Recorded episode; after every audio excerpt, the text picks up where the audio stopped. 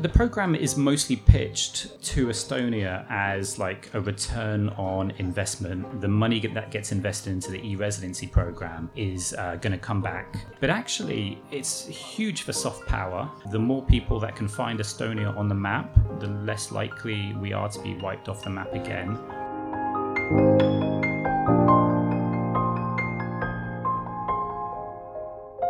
Greetings from Paide. I'm your host, Rainer Sternfeld, and you're listening to the Global Estonians podcast, where our goal is to capture the stories of 100 remarkable Estonians uh, and friends of Estonia around the world, recording during the years around the first centenary of the Republic of Estonia between 2016 and 2022. And you're listening to uh, the next episode, uh, which I'm not sure what will be numbered yet. Um, and this episode we make in English, and it's special in that we talk to somebody who is either of Estonian descent or is a big friend of Estonia, um, and is contributing to the success of Estonia. And, and uh, we're recording this in the middle of old medieval castle ruins in Paide on August uh, 12th, 2022. And my guest today is Adam Rang, who is a British Estonian entrepreneur living in Tallinn. And Adam is a third generation Estonian born in the UK with uh, um, a fo- focus in, in, in, public relations. And since moving to Estonia six years ago, uh, Adam helped develop Estonia's e residency program as its chief evangelist and uh, has since worked across the Estonian state to help promote Estonia internationally in English, uh, including for the office of the president. And he also created his own business to help develop Estonia's sauna industry, if yes. that's the right word. It is. Um, by exporting Estonian sauna design and technology as well as traditions and uh, is is uh, really uh, the driving force be behind popularizing the word leil, which we'll talk about later what that means, especially in English. We need to do that. And since the start of Russia's full-scale war in Ukraine, Adam has pivoted more towards counter-propaganda for Estonia, including uh, as a member of Kaitseliit's cyber unit. And he will discuss the challenges of, of crafting Estonia's international brand as uh, and also why the world is learning to love Estonian sound saunas.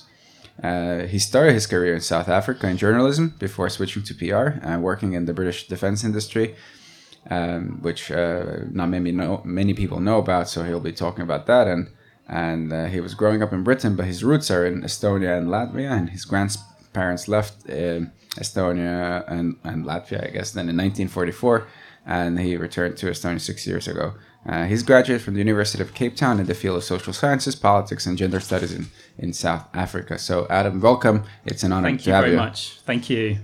So it's been it's been uh, an interesting journey. I've followed your work. Um, it's hard not to notice uh, notice you uh, with your red or burgundy T-shirt with Leil printed on it. I, am shameless when it comes to self promotion and. Well, that's one thing that Estonians have to learn from you uh, is marketing. It's like you have to do this at a point where you feel sick, but then others only start to notice. Mm-hmm. So yeah, um, and uh, maybe we'll start out, or I will ask you to start out from from your own background. Can you give us a little bit of context of the environment you grew up in?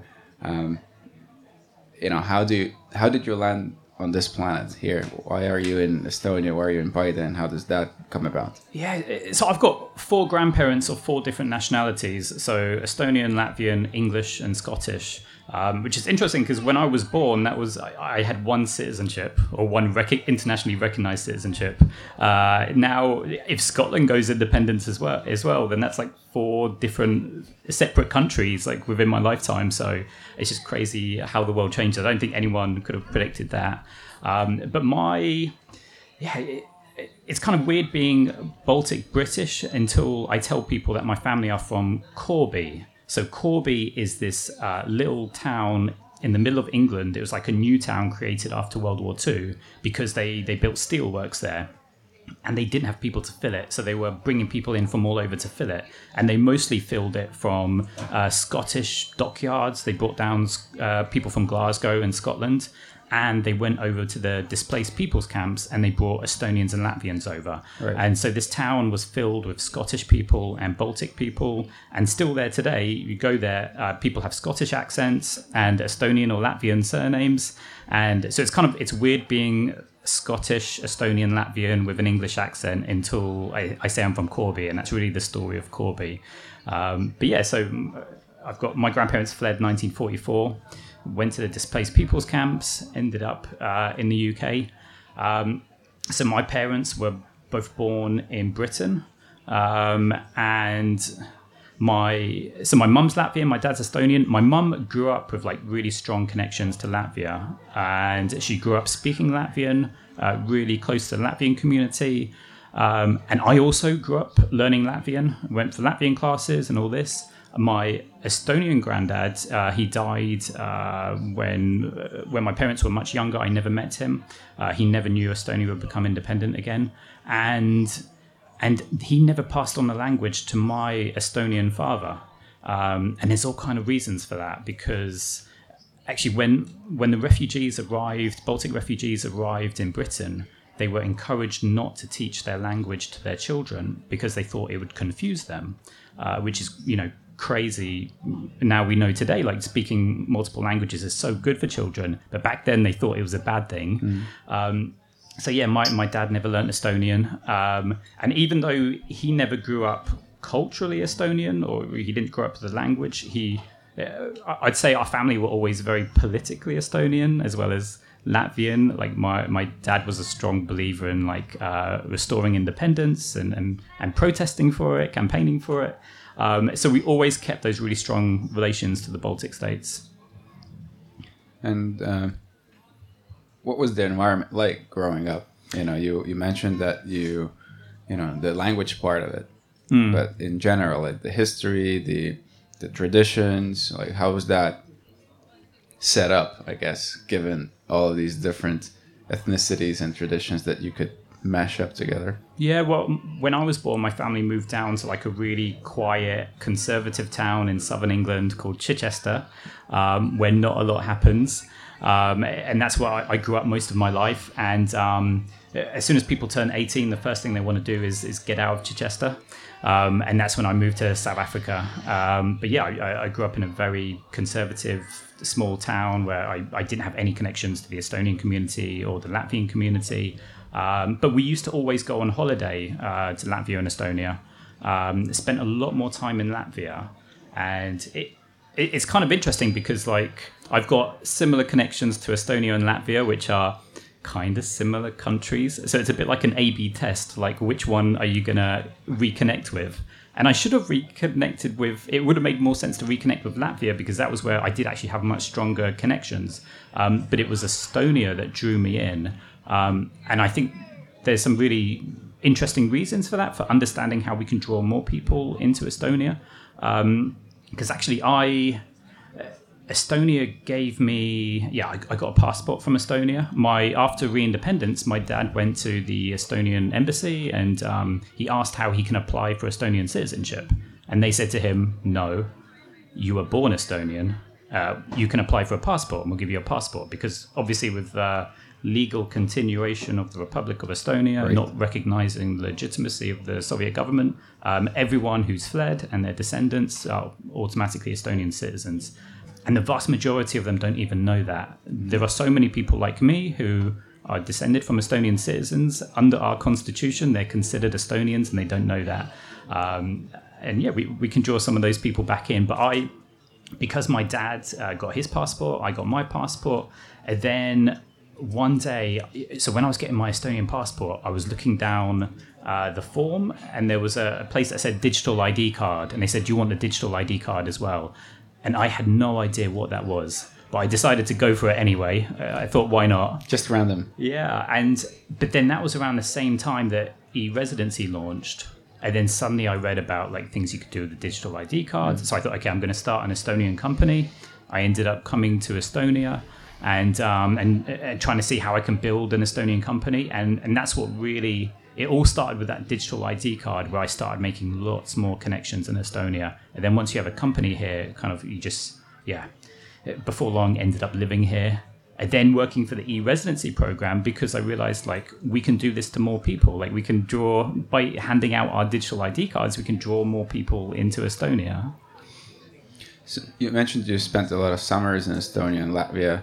What was your first memory of Estonia? Yeah, as a kid, we flew into we flew into Riga first. We flew into Latvia first, and we were going to do both countries. And um, especially for my dad, this was like really special because all his life, like even as a kid, like the Baltic states were like these semi-mythical faraway lands that kind of like part of the family story but like they always just seem so far away and um and my dad like always his whole life like no one had ever even heard of estonia when he was telling people he's estonian. So his dad kept on to his estonian citizenship. Um, he he didn't get british citizenship because he wanted to be estonian until the end um, he didn't live long enough to see Estonian uh, Estonia become re-independent. Uh, but and for my dad, it was really special to be able to come back to Estonia. Uh, so we, we flew into Latvia. We flew in with the plane was packed with Latvian soldiers returning from some of their first like training exercises with NATO. Um, uh, so it was a very rowdy flight. And then when we were in Latvia, we drove up to the Estonian border, uh, driving up to Tallinn. And I remember when we got to the border, my dad got out the car. Uh, for him, it was very emotional, um, and he, he he asked the border guard like, "Is this Estonia?" Because he wanted to know like, "Is the the ground we're standing on right now Estonia?" I think he wanted to kiss it or something. Um, but the border guard was so confused. To them, it was just like this random person turned up the border and asked asking what country it is. Um, but yeah, so then yeah, so the border guard said like, yes, this is Estonia, and then he went into this long speech about like you know family story, all his life wanting to come to Estonia. Um, the border guard was just so confused that I don't think she even spoke English. Um, I, I, was just sitting in the car like, oh, dad, please get back in. Um, but then yeah, we so we drove into Estonia, and so my my dad had always told me about Estonians, like you know very very nice, very helpful, very practical. Um, they don't speak much, uh, quite reserved. Um, and after we drove into Estonia, we got the most stereotypical example of that. Our car broke down, or we, we got a flat tire. So we pulled over to the side of the road, and within minutes, another car pulled up behind us. And this uh, elderly couple jumped out. The guy grabbed the spare tire, he grabbed the jack to lift up the car uh, changing the tire over for us. And my dad was like trying to make conversation with him, like, oh, thank you so much, and trying to speak to him about everything, like, you know, his family story again, coming to Estonia. And the guy was just not interested. Like, he just wanted, he changed the tire, got back in his car, and drove off. And um, and my dad is just like trying to thank him and, and didn't didn't get the opportunity. And car drove away. And my dad's just like, yeah, we're definitely in Estonia. Um, uh, so yeah, yeah. Then we used to spend our uh, our summers in Estonia and Latvia after that. And uh, so my granddad is from Viljandi and from Mulgimaa originally. Um, so spending a lot of time in Viljandi. Yeah. How has your understanding of your cultural uh, identity evolved over the years, from childhood to today, adulthood? Yeah, it's funny because we were talking about this just before we started, where I said like I, am a Valis Estlane, um, but it's a bit of an outdated term, like a foreign Estonian, but you know people don't really use it anymore. Um, and there's a bit of so the Valis Eslased, of course, are kind of mostly the considered the people who fled in 1944 and their descendants.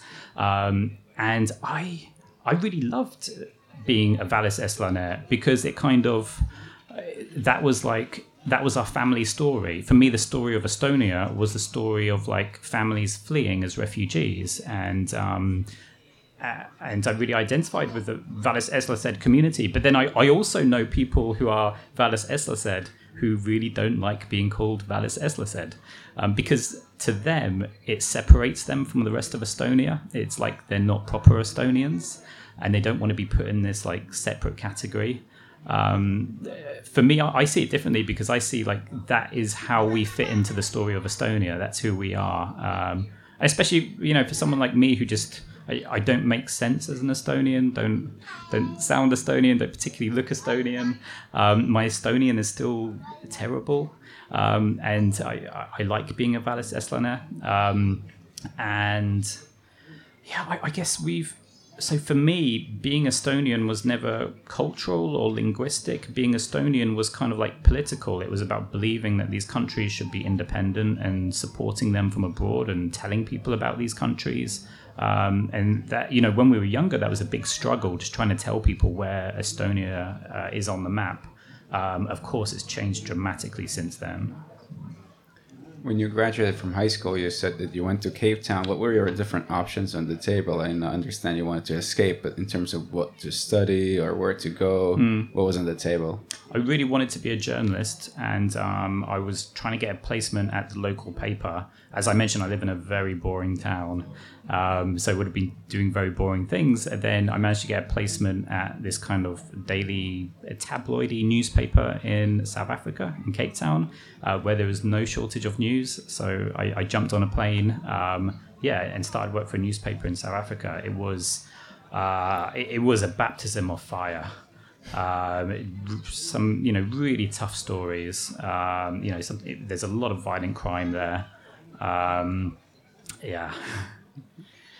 So first, you didn't enroll into uni. You just went to work as a journalist. Yes, and okay. then after that, um, with my dad pestering me, I, I eventually went to university um, in South Africa. So stayed in South Africa longer. Um, yeah, I, I still think that the time I spent as a journalist before university was more valuable despite paying for the tuition to go to university because it's just so much like stuff you have to learn fast uh, about writing and research yeah, uh, just to understand the context in, in, in south africa at the time you know you worked before you get like into the habit of working going to work you know meeting deadlines all that stuff and then at the same time you you know you enroll. Like did you study and work at the same time so did you have to get rid of your journalism kind of so i went i went to university after working as a journalist so yeah um, that's what i mean mm-hmm. like when you when you when you worked and then you decided then your dad pestering you into going to the university mm. did you stop working um, I still wrote a lot, uh, but then it mostly became a hobby, like writing for the student paper, and uh, I I just love writing. I, I yeah, uh, I write too much, and uh, yeah. Okay and choices after university you know you graduate after university i really wanted to get back into journalism um, and i moved to the uk so when i moved to south africa i was really hopeful about the future of south africa um, which is interesting when you compare it to the baltic states because also in 1991 uh, you know that's when uh, you know they were getting their democracy um, it became a new country again um, and obviously Nelson Mandela is like a, a really respected leader. Um, when I went there, there were lots of problems bubbling, uh, lots of things not being fixed, and kind of especially when it comes to corruption, uh, massive issues. And then during the time I lived there, I, I, kind of lost a bit of confidence about the future of the country. Um, and I decided I'd go back to Britain and be a journalist there and utterly failed. I, I couldn't find a job in in journalism uh, other than kind of unpaid internships. And then I was offered a job in PR, um, which originally I thought is kind of like uh, something I'd look down on, like. Um, that because obviously working as a journalist, you're being constantly pestered by PR people, um, and, and I didn't think I'd go to the other side. Um, but then when I did, uh, you know, they gave me a job, and when I saw it from the other side, I find I found it more interesting to kind of shape the news than report the news. Um, and I think it really helps having the journalism experience to go into PR, just to understand what journalists want, um, how not to annoy them too much. Yeah. How is it in, in South Africa or the UK for that matter? You know, in the US, if you want to get a degree in journalism, you also have to obtain a parallel degree in something that mm. you kind of can focus on, whether it's economics or engineering or what have you. Did you have anything like that? I, I never studied journalism um, because, and a lot of the people I wrote with at my newspaper, they they don't study journalism. They right. just go. A lot of them kind of they just start off straight working as a journalist mm-hmm. and work their way up uh, through it. Mm. Okay, so let's jump into this kind of time in your life when you uh, become a part of the Estonian E residency program. How mm. did hmm. that come about? How did you learn about it? Who invited you, or what was the backstory there? so I was running an Estonian company doing marketing. Um, it, it's funny because when I first set up my Estonian company, I thought, ah, you know, like there's all these um, uh, big companies in the UK who we can, who are going to hire us, our Estonian company, um, and maybe I can find people in Estonia to work with on that. And it turned out to be the complete opposite way around. There were just so many Estonian companies that wanted English um, marketing because obviously there's kind of exploding startup sector at the time. Um, and like six, seven years ago, when I started doing this, a lot of Estonian companies they really wanted to project that international image. Um, so yeah, they, and they really wanted people doing English content, and they were sending me to London to go and film content there because they wanted their Estonian company to yeah have this kind of international look, um, and that's interesting because that's that has changed a lot in that Estonian companies don't hide the fact that they're Estonian um, like they used to. Um, so now like you go to london you can you know like bolt did a big advertising campaign with using teaching people estonian. Uh, so you go on the, the underground you can see bolt you can see e-residency advertising people start your company estonia. Uh, like so many people you mention estonia to them they know it's this high-tech company a country where so many great companies come from. Um, so yeah like six years ago that was the kind of work you could get like helping estonian companies look more international and now Estonian companies are just so much more proudly Estonian, um, and I think that's really great, even if I can't get as much work. Uh, so you start with the you know the e-residency program. I, I forgot to answer that question. Yeah, yeah. yeah so, I'm sorry. Um, and from doing that, I got contacted by eResidency. They wanted me to write some stuff for them. And then a few months later, they asked if I could work directly for the program. So, uh, and for me, that was like, ah, you know, I, I really believed in the business I was doing, like marketing. But then as soon as you get an opportunity to work on like something much bigger than you can do on your own, I thought, okay, I'll, I'll, I'll put all my clients uh, away and I'll, I'll, go go work for eResidency. Mm-hmm. And a key part of that was because I'm I'm a foreign Estonian who became got lured into Estonia by my digital ID card, and my task was to scale that up and get more people lured into Estonia um, by by handing them a digital ID card. Because once once they've got a digital ID card in their hand, the next thing we want them to do is start a company in Estonia. Then once they start a company in Estonia, we want them to start building connections with other Estonian companies. We want them to hire an Estonian accountant, uh, look for what other services they can hire in Estonia. Um, it's like some e-residency companies pay their taxes to Estonia, and that brings in a lot of money. Um, but actually, far more money flows into Estonia from e-residents just by uh, e-resident companies doing business with other Estonians. Um, so yeah, I, I spent uh, a good few years at the e-residency program. Uh, best years of my life. Like really great team. I really believed in what we were doing. Uh, lots of ups and downs, um, but yeah. Uh, when you set out this program, what excited about um, what excited you about Estonia and, and e-residency the most? The program is mostly pitched to Estonia as like a return on investment that the money that gets invested into the e-residency program is uh, going to come back mostly in tax money and other economic benefits. Um, so it, it's always sold as a money maker for Estonia, but actually it's it's huge for soft power.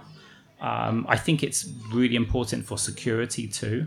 Um, the more people that can find Estonia on the map, the less likely we are to be wiped off the map again. I think it's so important for our security that people just know about Estonia, connect to Estonia, that uh, if we find ourselves in uh, extreme difficulties, that enough people around the world know about us to care about us.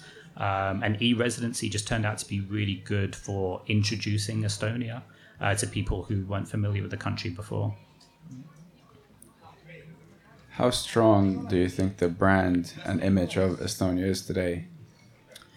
You know, people live in bubbles, and there's still there's still people who there's a bubble that thinks Estonia is like on the front line of what might be World War Three, and we're you know this is a very dangerous place to be, um, and it's always been like that. Um, but then there's also the bubble of people who know Estonia as this cool uh, country that's really great with digital and with. Uh, uh, you know, lots of startup companies, and that bubble has just been growing hugely. Um, you know, with everything happening in Ukraine, the other bubble is growing again. We're, we're getting back in the headlines a lot for in the context of uh, international security. Um, but at least now, a, a, lot more people care about Estonia as well. You've lived now, in you know, in, in obviously in the UK and, and South Africa and Estonia. Um, you kind of understand different cultures really well, and and uh, I think you've been here now long enough to kind of give a assessment of sorts um, in terms of what kind of uh, skills or behaviors Estonians possess that you think could be improved or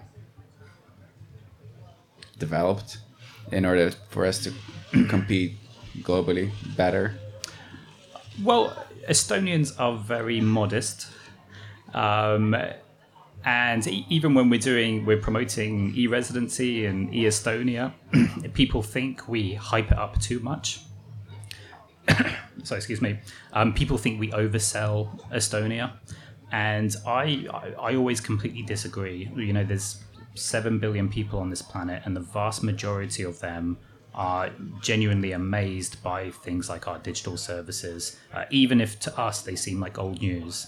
Um, and yeah, we, we got to keep telling people about them.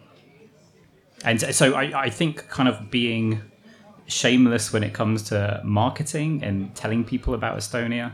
Um, I, there are so many companies in Estonia that do behave very modestly, um, especially on the export market. And, you know, they should be kind of uh, prouder to show off what they're doing. Mm-hmm. In terms of the e-residency program, um, you're not actively involved anymore with them. No. Right. So I, when I had my first child, I thought that was a good time to leave, and we we had so many issues with e-residency that we had to overcome. And by the time my first child was about to be born, we had we had overcome um, the majority of them and it was kind of it was moving into a different phase by then. Um, it was no longer this like a startup that was trying to grow as quickly as possible.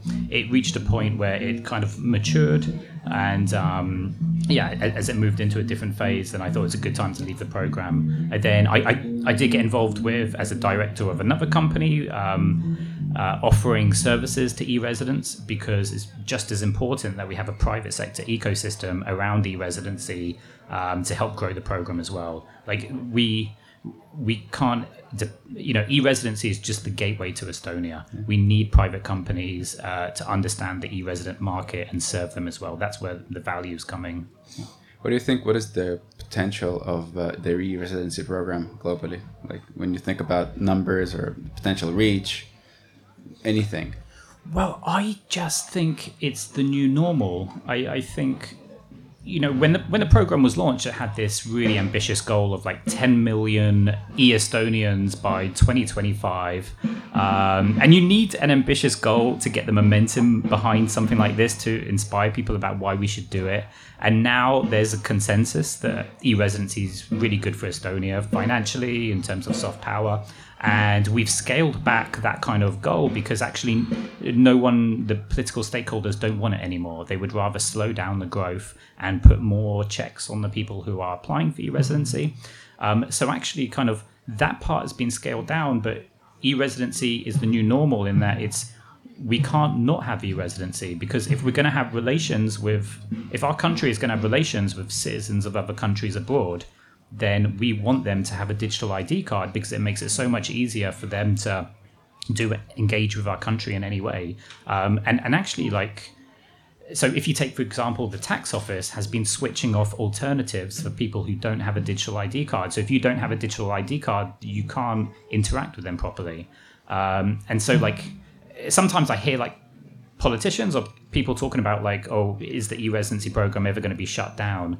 And it's like you can't shut it down because shutting it down means investing back in these like old offline systems that are less secure. It means it means we have relationship. We're always going to have relationships with people in other countries. We're always going to want people in other countries to start companies here, and we we just it's so much easier if they just have a digital ID card. It's not just easier for them; it's easier for the state to have oversight over them um, and to do checks on them and stuff. Um, so it's better for everyone. Yeah. Um, you're also an active member now of the Estonian Defense League's uh, cyber uh, unit, fighting against misinformation and, and cyber attacks. How active um, do you think currently are the Kremlin trolls in the Estonian cyberspace, and, and in general, you know, what it, what is it that you do and your your your peers do? Yeah, I so after the full scale war started uh, against Ukraine, I I thought it's definitely time to join Kaitseliit. I I've always thought about joining Kaitseliit, but then I thought, ah, you know, there'll be language barriers, and uh, I'm getting older. I'm I'm not particularly fit. Um, but then after the war started, I thought, you know, this is serious, and um, and I talked to them about my background in PR marketing, and they they wanted me to get involved in counter propaganda. Um, so what we do is we, and they weren't doing too much in English at the time. So I, I, took on the role of kind of what I do is monitor what people are saying about in Estonia um, and look for uh, narratives, uh, hostile narratives that we should be fact checking. Um, then yeah, we, we, do a lot of fact checking. We uh, we yeah we get the message out there. So it's not about it's not about arguing with uh, these like random accounts uh, that just want to draw us into a debate. It's about if you see something influential, kind of a narrative about Estonia circulating, um, which just isn't true. Uh, so, for example, we see things about you know people writing about uh, Estonia's um, oppresses Russian speakers. We, we ban them from speaking Russian. Um, and when you see that kind of stuff, it's like, well, this is an opportunity for us to explain uh, how much progress is being made to integrate Russian speakers, for example, and, how you know how Russian is used in, in schools and, and in, in public life here. Um, so misinformation against Estonia is always an opportunity for us to get our message out as well. So I, I do think we should be kind of confrontational when it comes to correcting it. Let's talk about saunas. Yes. well, first of all, I, I, I can't believe that we've done now, well, we've published 74 shows as of recording of this show. Obviously, we recorded more, not published. But even even so, we've not even once discussed saunas. That's not good. Any of the Estonians or foreign Estonians or whatever you want to call them, friends of Estonia. And it does actually zero. feel like a sauna today. And yes, yeah. so it's fitting. It's it's Friday night. It's uh, six thirty seven p.m. Uh, let's talk about saunas. Um, you are, you know, wearing a T-shirt. Uh, I need to say it's like a burgundy T-shirt with Leil spelled on it. So you are obviously known, um, and I have known you mo- more because of your um, let's say evangelism of saunas than the e-residency program because you don't see the work you put out you know that that you your brand your personal brand associates more with with Leil and saunas mm-hmm. than with e-residency programs so team effort you know you put the work out it doesn't have exactly your face on it but but Leil and and saunas somehow you know your face on it now so I think that's a great success but uh, tell us, how did you fall in love in saunas in the first place? Um, so I, I didn't grow up with any real understanding of saunas. Like in Britain, the only saunas I knew are in like the local gym, and they're pretty. They're these you know dark, quite poorly ventilated, stuffy rooms that don't feel comfortable. Um, and it wasn't until I moved to Estonia that I started to understand it. I, I, I bought my first apartment in Tallinn and it had a sauna in it, it had a wood fired sauna in it. And um, I, yeah, I didn't know anyone in Estonia at that point, and another väliseestlane, uh, a woman called Lena, invited me to a party to meet new people. Um, and I met a whole group of people, and I said to them, like, "Oh, I've just moved into a new place with a sauna. Like, let's go have a housewarming for our next party." So all these people came over that I, I just met, um, and I had no idea actually how to um, how to use a sauna or anything like that. And but actually, we had such a good night that by the end of the night, like we forgot all about the sauna, and um, I thought everyone was going to be going home soon until one person was like, "No, no, no, I came here for the sauna. You said there would be sauna," um, and that person uh, is now my partner. Um, so I. I don't know whether she liked me or my sauna more, but she eventually ended up moving in uh, and using the sauna a lot more. Um, yeah, so now we have two children together, and uh, and actually, she Annie, she um, is the one who took me, introduced me to saunas all over Estonia, and I was as I was seeing some really cool saunas, I was like, why doesn't Estonia make more of this? Um, because, I mean. There are so many interesting saunas, and it's a way to like get people out of Tallinn and go see other parts of the country. And but so many people around the world they think saunas is a Finnish thing, or they think it's like a Scandinavian thing, and it takes a lot of explaining that like no saunas are as old in Estonian history as they are in Finnish history, um, and the Finns managed to get the word sauna into English.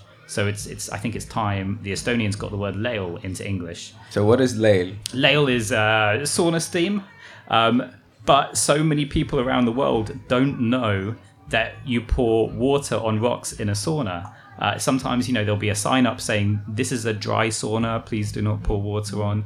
Um, and even so, we sell saunas, we export saunas now, and you'd be amazed the kind of questions we get because some people they know nothing about saunas. They just think, oh, it'd be really cool. It's like a status symbol to have a sauna in your home. It's kind of funny that like it's become like this, yes, you people around the world they associate saunas with like the super wealthy, even though the kind of like here it's like well if you have a sauna at home that's yeah quite normal. Um, but the kind of questions we get are so interesting because people know nothing about saunas and they're always checking like can you actually pour water on this stove? And we're like yes, that's the whole point. Um, yes, so we thought it's time to get the word leil into English because if we can, first of all, there's no Estonian words that have like gone global. Um, so it would be nice to have one. But second of all, it's a way of getting more people to understand our sauna culture and how to use saunas properly. So it gets the tradition. It's a way of exporting the tradition, uh, as well as kind of like uh, yeah. I, I, think it's also it's also a bit of like a psyops, uh, soft mm-hmm. power for Estonia. If we can have one word that people know is of Estonian origin, and people can associate sauna culture more with Estonia as well. Yeah obviously when you explain saunas and the experience of saunas to somebody who has never heard of it before it sounds pretty terrible or terrifying you know? Mm. you get naked you get into the dark room and then you beat each other with branches. Yeah. I mean that's doesn't sound fun at all. Although the way people normally do it around the world is much more terrifying because you go into gyms and obviously gyms have this philosophy of like no pain no gain. And they see saunas the same way. And they think if you suffer if you're hurting in the sauna then it must be giving you some vague health benefits somehow and and actually the reason why these saunas are painful is because like they're so poorly ventilated. They're like they're, like this they're not enjoyable but it's not you're not getting health benefits from that. Like being uncomfortable in the sauna doesn't correlate with like health benefits. And so we're trying to teach people how to use them properly and it's actually much more enjoyable. And uh, the vihad um, the branches uh, it doesn't hurt as much as it looks so what is uh, a perfect sauna experience uh, for you what should it consist of so the most important thing are people and traditions um, but actually, we could get onto the. I can tell you some of the boring technical stuff that always gets missed. So, like the First of all, you need a sauna stove with lots of stones. Like throughout the 20th century, sauna stoves became these like really ugly metal boxes with like a few stones scattered on top. That became the norm. Um, and and now kind of manufacturers, actually Estonian companies are leading the way, realizing that no, you've got to make it about the stones again. You have to design these kind of they're designing minimalist cages so that you just see stones in like a really nice shape. Um, and you know, with these old metal box stoves, people have been hiding them away. They're ugly. They don't want to see them in the sauna. Um, but when you actually put the focus back on the stones, as it should be, because you should always be heating. You're not heating the room. You're heating the stones, which emit their heat into the room. Uh, people are making the sauna stove the focus of the attention again. And then you want your feet above the sauna stove. Um, that's also like a very common error that like you you know you can go into saunas like around the UK and stuff, and your feet are on the floor. Uh, you're below, so it's like a really uneven heat. You don't want your feet to be cold. You want to be an even heat. You want to be above the stove. Um, and the third thing is like ventilation. Ventilation is so important because again, it's mostly elsewhere around the world. They think that um, the point of building a sauna is to keep as much heat in as possible, and it's like no, like it's you need to breathe in there. You need to, you if there's not good ventilation, it's going to feel really, it's going to make you really tired and going to give you headaches. Like you, you want good air in there as well. So that's like the technical stuff. But then uh, people and traditions are so important. So actually, like it, it doesn't matter how good or bad your sauna is. Like you, you want you you want to enjoy it with friends and family. The sauna is the original social network. Um, especially in Estonia, like it's the best place to talk to people, get to know people. Um, I, have never particularly liked the way it's done in a lot of Central European countries, particularly Germany, where you get told off for speaking in the sauna. That's quite a that was quite a culture shock for me after spending so much time in Estonian saunas. Um, but yeah, it's I, I remember one person said like you don't want the best sauna on the block you want the block in your sauna. Uh, yeah, so it's about enjoying it with other people. And then I think it's so important to preserve traditions as well. Um, you know, you go to a lot of spas these days and they don't have um, uh, the branches to beat yourself with. We need to do that as well. Um, and also, like, it's we always try and tell people like it's not just about heating up. It's about cooling down as well, and it's about taking your time to feel comfortable, going in and out. Um, there's still this perception um, internationally that sauna is like a really intense experience. Maybe it's like an intense 10 minute experience where you stay in until you're about to collapse, so then you walk out and you think that's it, that's worked. But actually, we try and tell them that no, like enjoy sauna over a couple of hours with your friends and family. Like, uh, yeah. Should saunas be considered something of a kind of a priority in terms of an export item? Uh... I'm slightly biased. Um, yes. Um, but it's interesting because like saunas are a great equalizer for Estonia, because like regionally, because the sauna manufacturers and the like the best saunas for tourism they're spread all over the country especially in south estonia especially on islands um, and these are all places like david beckham got his sauna from like Viljandimaa, like a tiny town in Viljandimaa. I don't know why I'm pointing. Have no idea which direction it's in. Um, this way, he, he, got his sauna from over there. Um, so, like when when people know of a, of Estonia as a sauna nation, whether they want to buy a sauna or whether they want to come and like visit saunas here, they're putting money right around the country and like that's a that is a priority of the Estonian state to obviously get more uh, money into regions, especially into South Estonia. And that's where sauna tourists are going. They're going down to Võrumaa because they're fascinated by smoke saunas. Um, so, yeah, it, it, and we do have great uh, sauna manufacturers who are really making their name known um, globally. Uh, they're becoming very fashionable. So, yeah, they're doing a good job by themselves already.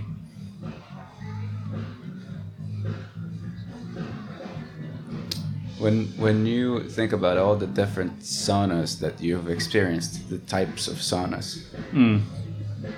doesn't have to be in Estonia, but like in general, you know, like the regular kind of run of the mill sauna, smoke sauna, kind of uh, Russian sauna, whatever. Like, what's what's what's your favorite?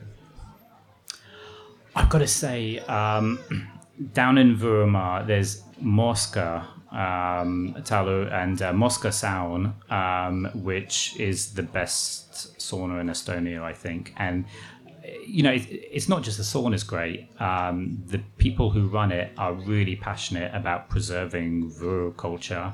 Um, they were the people who got the UNESCO listing in order to help preserve the smoke sauna tradition. Um, and that UNESCO listing, like people think it's just about protecting the buildings, but it's it's actually the listing is for the entire tradition. So it's everything from like you know making vihad um, and like uh, smoking pork in the sauna. Um, so yeah, that's the if you buy um, sauna smoked pork in a lot of places around Estonia, it comes from Mooska. Um, so yeah, they've done a great job helping preserve Estonian sauna culture as it should be. Um, it's interesting they have they have a separate sauna just for smoking pork because actually with modern food hygiene standards, you're not allowed to bathe where you cook food. So they need to have separate saunas for bathing and for cooking meat these days. So let's talk about. I mean, we've spoken about Estonia obviously for mm. for uh, for a while now, especially given your love for saunas. Uh, but now we come to this kind of the standard bit of the the show where we talk. You know, we we present the same questions to every every guest, and and the first is when someone asks, "What is Estonia like?" What's your what's your response? How do you describe Estonia? I would say uh, talk about medieval towns and bogs and forests and startups and all the um, really cliche things we've been telling people, but then also tell people about also tell them about like the people of Estonia are just so down to earth and straight talking, um, and yeah, we always encourage people like to get out of Tallinn and, and go visit Paide or other places around the country. Like at the moment, like you don't need to explain Estonia much these days because, like, especially you know in Britain, like everyone knows Estonia, and like um, a lot of people will have come to Tallinn, but they've only spent time in the old town, so they know the old town. They know you know what to expect there. Um, 75% of visitors to Estonia don't leave Tallinn. Like for them, um, like going to Kalamaja is like venturing into the real Estonia. So it, try to tell people about the rest of Estonia and really encourage them to get out of Tallinn and yeah, and that that. I don't want to go back to saunas again, but that's why like saunas is one way we, we get people we, we get that seventy five percent to leave Tallinn and go see the rest of the country. If you could change one thing about or improve one thing about life in Estonia, what would it be? And don't say saunas. they don't need improving. Um, well, you know, we're here in Paide for the festival, and I thought it's so nice with the roads closed to cars. Like, especially I have children here, and uh, being able having my child run around and not have to worry about the cars, and it's just so nice. And um, obviously, a lot of development in towns has been very car focused. Um, I know, like Tartu has recently kind of really struggled with getting like a pedestrianized area for the summer in Tallinn, we, we still see a you know we've had all our problems of kind of cycle lanes and stuff. I would love to. I would really love. It. We we talk about like Tallinn and obviously everywhere else as being like very walkable, but actually like we don't exploit that enough. Um, I would love if we had like um, mass cycling culture um, and and more focus on pedestrians. And you know, some people say like, "Oh, Tallinn's too cold. Estonia's too cold for cycling," but like I mean, towns in like north of Finland do really well with cycling. Copenhagen isn't that much further south than us. Like we can make it work, and I think have a you know would have a better quality of life if we did that. Um, only one. Well, walkability is, is a great one too. I mean, walkability yeah. is not mm-hmm. uh, only a function of distance. Yeah. So I think that's a really good one. Yeah. yeah. Can I say one more actually? Because um, I I, I feel so lucky to have an Estonian passport, Estonian citizenship, and in some ways, I feel like I don't deserve it too much because I mean I, am very lucky to be like the grandchild uh, of an Estonian, and I meet people all the time who have made huge contributions to this country, who have learned Estonian, who speak uh, like near fluent Estonian, um, and they can't become Estonian uh, because they would have to give up their previous citizenship. So we have laws that if you're obviously if you're born Estonian, you stay Estonian for life. If you're born a dual citizen, like me, you stay a dual citizen. Um, but if you want to become Estonian, you have to give up your other one, and there's all kinds of reasons why that is too difficult for some people. Um, you know, I know people in Britain who uh, I know one guy who all his life he campaigned for Estonian independence. He speaks Estonian. He lives in Estonia. Um, with Brexit, things got a bit more complicated. He would love to be an Estonian citizen, um, but he can't give up his British citizenship. He kind of he thought about it, but he's got um, kind of family he needs to be with in their older years. um, and he doesn't want the complication of trying to get back into Britain. Um, Latvia changed the rules. Latvia had same rules as us, but then they changed it and said, okay, you can be a dual citizen if you're a dual citizen with these other countries, like other NATO countries, other EU countries. There's a way of kind of relaxing. Um, I know this is a really sensitive subject uh, about citizenship and dual citizenship. Um, I think if we allowed, if we relaxed dual citizenship rules a little bit, uh, there are people who who have made a huge contribution, who speak Estonian, who would become dual citizens, and I think maybe we can look at changing that. Um, and actually, can I get onto kind of a third third one, two point five? Um, I think we can also do more uh, to bring the diaspora in as well. Um, so when I came to Estonia as a when I arrived in Estonia, moved here for the first time, I didn't speak any Estonian. I signed up for the integration course. Uh, I was really looking forward to it. So I do language lessons, teach you about yeah, as everything about Estonia as a new arrival. And then just before it was about to start, they kicked me off it. They wrote to me. They said, oh, "We've discovered that you're an Estonian citizen." because you have to give your ECQ code. They look it up and they're like, no, you're an Estonian citizen. You can't do the integration course. And I said to them, like, no, no, but I am a new arrival. Like, I, I, I don't come from an Estonian speaking family. And they said, no, no, it doesn't matter. Like, this course, this is not, the integration course is not for Estonian citizens.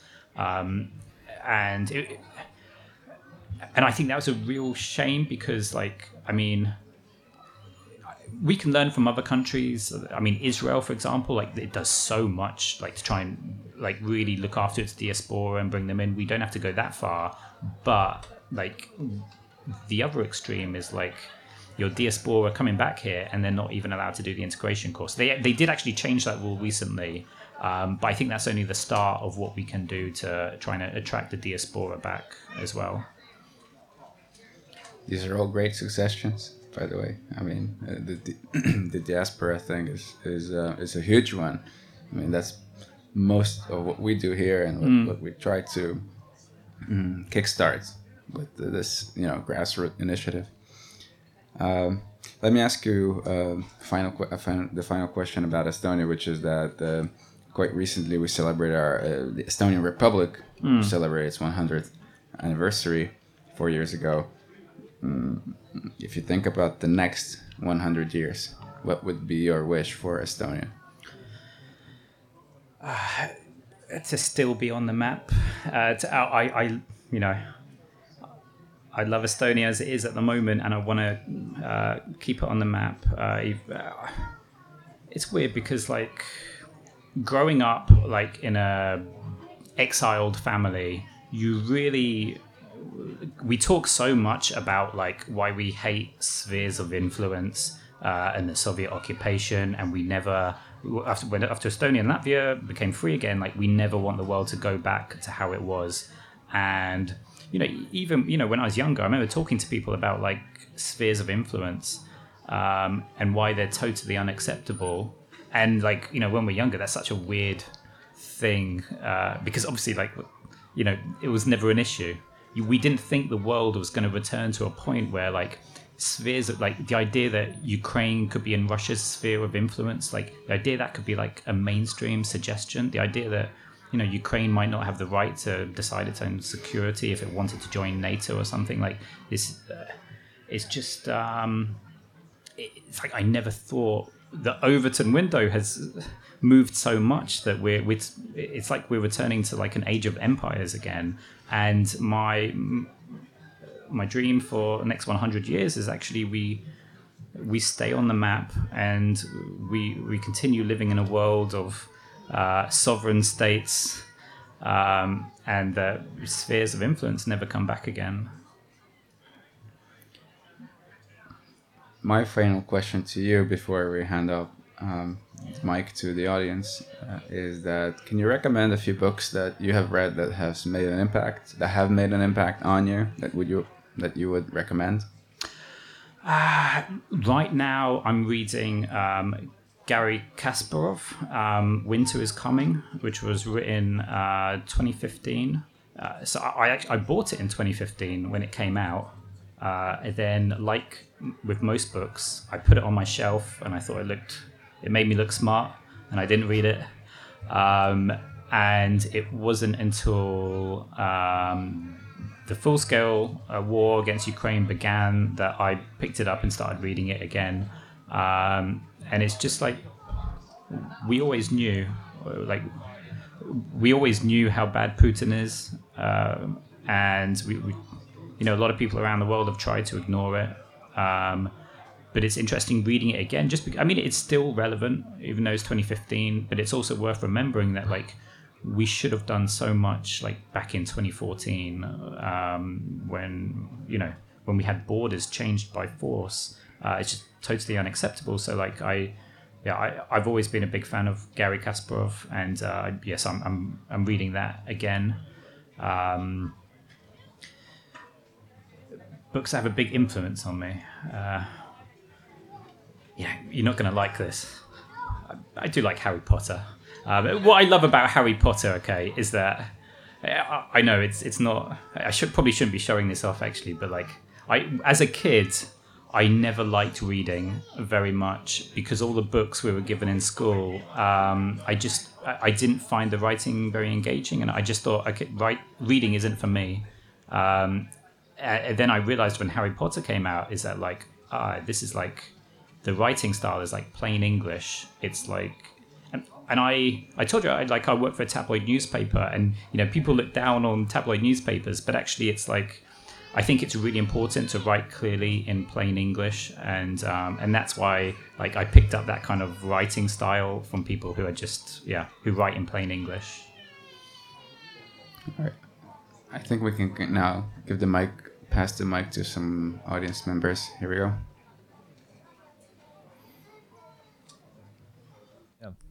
Thank thank you for presentation. Um, I have one quick question regarding the saunas. So you told that uh, your most terrible, the terrible uh, experience with saunas is uh, in gyms in UK. But what has been like in good way the most weirdest experience with saunas? Weirdest, weirdest experience in a sauna. Interesting question. In a good way, yeah. I so I, actually, me and my partner Annie, we've um, we've travelled up to the International Sauna Congress in Lapland, which is a thing. Um, it takes place once every five years. All all sauna people from around the world get together, and it's like everybody. It's like you know, complete opposites. It's like scientists and um, like spiritual healers. Um, it's it's like people uh, like from Moscow who are like really passionate about preserving culture, and it's like marketers, like people like me, and everyone together with totally different ideas, and it's um, and even like by nationality, there's a lot of, and by generation, there's a lot of tension. People have very different ideas about how we need to preserve sauna culture. It's like a conspiracy of people who want to, um, yeah, popularize the sauna more. Um, but like in any industry, everyone is like fighting with each other about how to do that.